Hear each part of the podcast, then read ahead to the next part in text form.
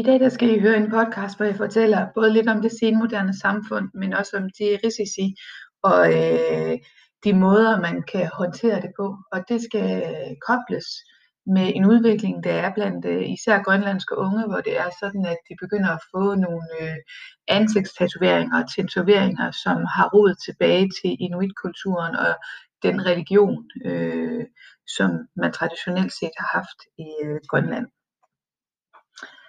Øh, først og fremmest, så har vi jo snakket rigtig meget om den her udvikling øh, fra det traditionelle til det moderne til det senmoderne samfund. Bare lige helt kort, så er øh, det senmoderne en betegnelse for øh, en udvikling i forhold til det moderne samfund. Det vil sige, at der er sket en mere udvikling end det, der er sket fra det traditionelle til det moderne samfund. Øh, og øh, det senmoderne samfund det er karakteriseret ved en avanceret teknologi og en enorm forøget forandringshastighed øh, i forhold til det moderne samfund. Så det her med, at ting forandrer sig helt vildt hurtigt, og at, øh, hvad hedder det, øh, at ting nærmest kan være forandret fra den ene dag til den anden. Og I har hørt om øh, Giddens, der taler om aftraditionalisering og øh, udlejring af sociale relation og ekspertsystemer og refleksivitet.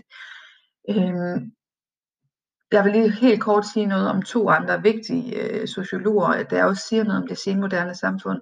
Øh, Udover Giddens, så er der også øh, Ulrik Bæk. Og Ulrik Bæk, han taler ikke om det senmoderne samfund, han taler om et risikosamfund. Han taler om, at det, at det samfund, vi lever i i dag, er et risikosamfund, for der er så mange risici forbundet ved at være øh, individ i øh, den, den samfundstype blandt andet betinget i det her med, at det udvikler sig så hurtigt, og fordi det udvikler sig så hurtigt, så kan man rigtig hurtigt komme til at tage fejl, eller det tage et forkert valg, eller gøre noget, man troede var rigtigt den ene dag, og så viser det sig, at det var et dårligt valg. Øh, så der er så mange risici forbundet ved det. Øh, okay, så hvis man skal definere et risikosamfund, så er det et udtryk for et aspekt af det senmoderne samfund, øh, hvor de menneskeskabte strukturer Øh, det kan være rigtig mange forskellige ting. Det kan være A-kraft, forurening, genmanipulation, det kan være øh, hvad hedder det, internet, øh, sociale medier. At, at de, alle de her menneskeskabte strukturer, at de udgør den største fare for vores fremtid. Øh, at det, som mennesket skaber, det er det, der er en risiko i dag, i stedet for det, som naturen øh, hvad hedder det, har, øh, har skabt, sådan noget som en fejlslået høst eller tørke eller sådan noget. Så nu er det menneskeskabt.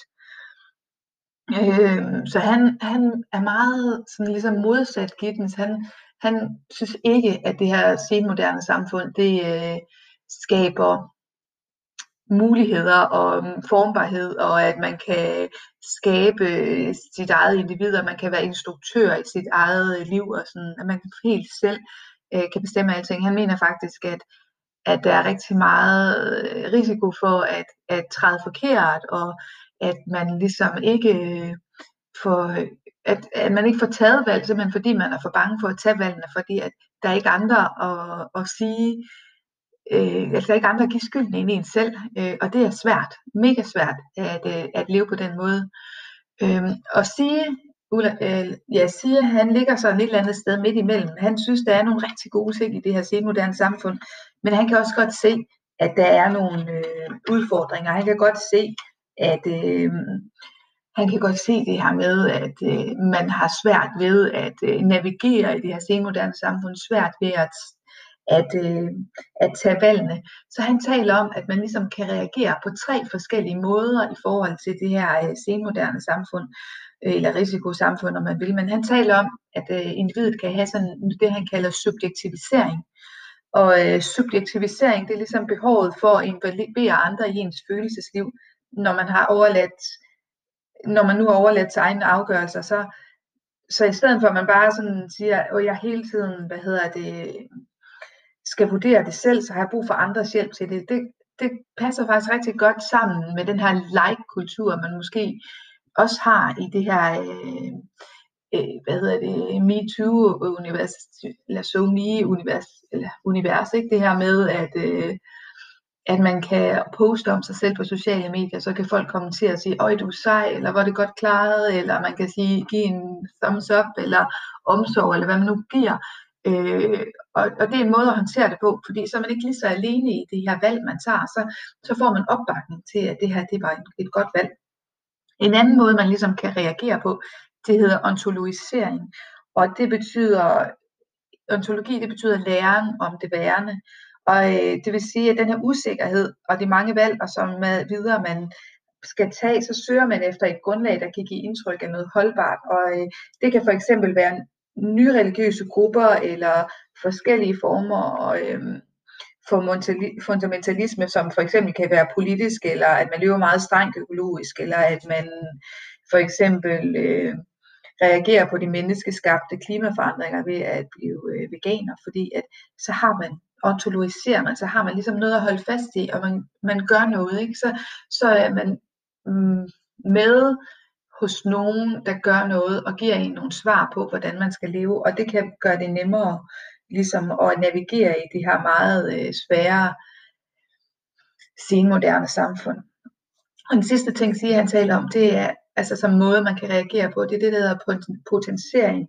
Og potentiering, der handler det om, at man skal kunne leve. Jeg skal mærke, at jeg lever. Og man taler meget om sådan noget med, at det handler om, at man for eksempel springer bungee jump, eller køber, kører mega hurtigt på en motorcykel, eller er ude på nogle vildt farlige øh, øh mountain bike tracks, eller andre ting, sådan, eller man dyrker måske ek- ekstrem sport. Altså bare som det hele taget, at man ligesom mærker, får det her adrenalin rush, og mærker, at man lever. Og det, det kan være sådan et forsøg på at undgå den tomhed og usikkerhed, der kan knytte sig til den her individualisering, øh, som der også sker i det senmoderne samfund. Øh, ja. Det kan også være en måde, at man simpelthen går i byen og øh, øh, at drikker så meget fuld, eller at man øh, at danser hele natten, fordi der føler man også virkelig, at man mærker, at man lever. Okay, nu skal jeg lige nå at læse noget af en artikel op fra jer øh, om det her med de her grønlændere, så skal vi snakke om, hvad kunne det for eksempel være, øh, hvor er det, de reagerer på? Er der nogle af de her ting, jeg har præsenteret for jer, der kan forklare, hvorfor de reagerer på den her måde, som de gør? Okay, øh, artiklen er fra øh, DR's hjemmeside, og den er fra den 19. januar 2020. Vilde øh, ansigtstatoveringer breder sig blandt grønlændere. Det er en super fed måde at vise, hvem jeg er.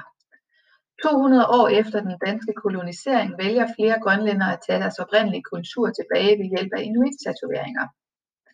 På en briks i ligger Josef Tarok Petrusen på 21.